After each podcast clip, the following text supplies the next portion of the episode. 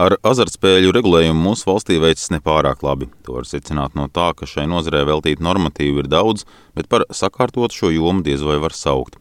Sevišķi, ja runa ir par spēļu biznesa regulējumu un nemitīgajām cīņām par iedzīvotāju vai domju interesēm zāles aizliegt, un uzņēmēju un spēlmaņu vēlam pēc taustāmām, jeb tā sauktajām zemes spēļu zālēm nesen ziņojām par kārtējiem normatīvu uzlabojumiem. Saimnes atkārtoti pieņemtajā pašvaldību likumā parlaments ir atbalstījis arī Zaļo un Zemnieku savienības deputāta Viktora Valēņa priekšlikumu paplašināt pašvaldību tiesības lemt par azartspēļu atļaušanu vai aizliekšanu.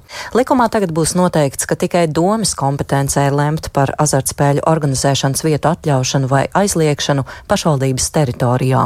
Tādējādi varētu mazināt strīdus par dažādu likumu normu piemērošanu ieviešanu, kā rezultātā domju lemto par spēļu zāļu aizliekšanu atceļ uzraugošā ministrija. Tomēr pati azartspēļu nozare par šiem likuma grozījumiem ir neizpratnē. Tā secināms no Latvijas Spēļu biznesa asociācijas vadītāja un turklāt arī zaļzemnieku pārstāvja Ārņa Vērzemnieka teiktā. Kā mums skaidroja saimnes juridiskais birojs, tad tā normā pilnīgi neko nemaina attiecībā uz to, kāds ir jau esošais regulējums. Pilnīgi neko. Tieši tāpēc jau arī komisijā šo normu neatbalstīja pat tā pati pašvaldību savienība. Tā iemesla dēļ, ka šāda norma jau ir azartspēļu un izložu likumā. Kamēr saimnes deputāti pieņem deklaratīvas izmaiņas bez praktiskas jēgas, pavisam taustām ietekme varētu būt nākamajam pašvaldību lietu ministram, ja tas atšķirībā no aizijošā Latvijas attīstībai pārstāvja akceptēs Rīgas teritorijas plānu. Tajā ir faktiski aizliegtas zemes azaru spēles Rīgā, atļaujot tās tikai ekskluzīvās viesnīcās, kādu Rīgā nav daudz. Izložu un azartspēļu uzraudzības inspekcijas priekšniecei Signei Birnei jautāju, kādas būtu sekas, ja Rīgas plāns stātos spēkā. Ziniet, man ļoti negribētos komentēt eh, šo Rīgas domas lēmumu un, un teritoriālā plānojuma lietas, eh, ja tiek pieņemts eh, šāds lēmums Tad, protams, reāli, teikt, reālās spēļu zāles legālās tiek aizvērtas.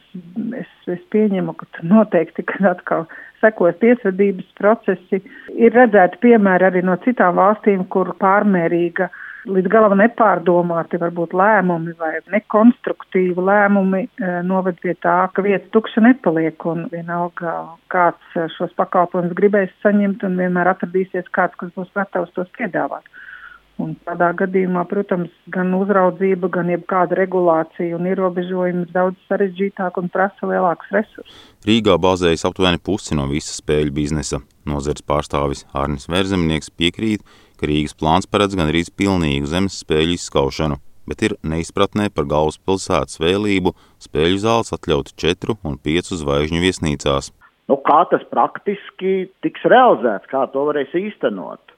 Uz to mums jau šī plāna izstrādes gaitā neviens nespēja atbildēt. Nu, domas ierēģņa puses, ja, kas gatavoja šo plānu, jau, protams, plānā jau var pieņemt visu kaut ko, kurš var uh, ietekmēt. Nu, tas mūsu jautājums ir, vai Rīgas doma izdos rīkojumus uh, Rīgā esošajām viesnīcām, atļaut tur ierīkot azartspēļu vietas nespēja iedomāties. Nav, nav skaidrs. Pie esošā faktiski tas nozīmē to, ka jā, nu tad, tad visas citur spēļu zāles, visas azartspēļu vietas tiks slēgtas.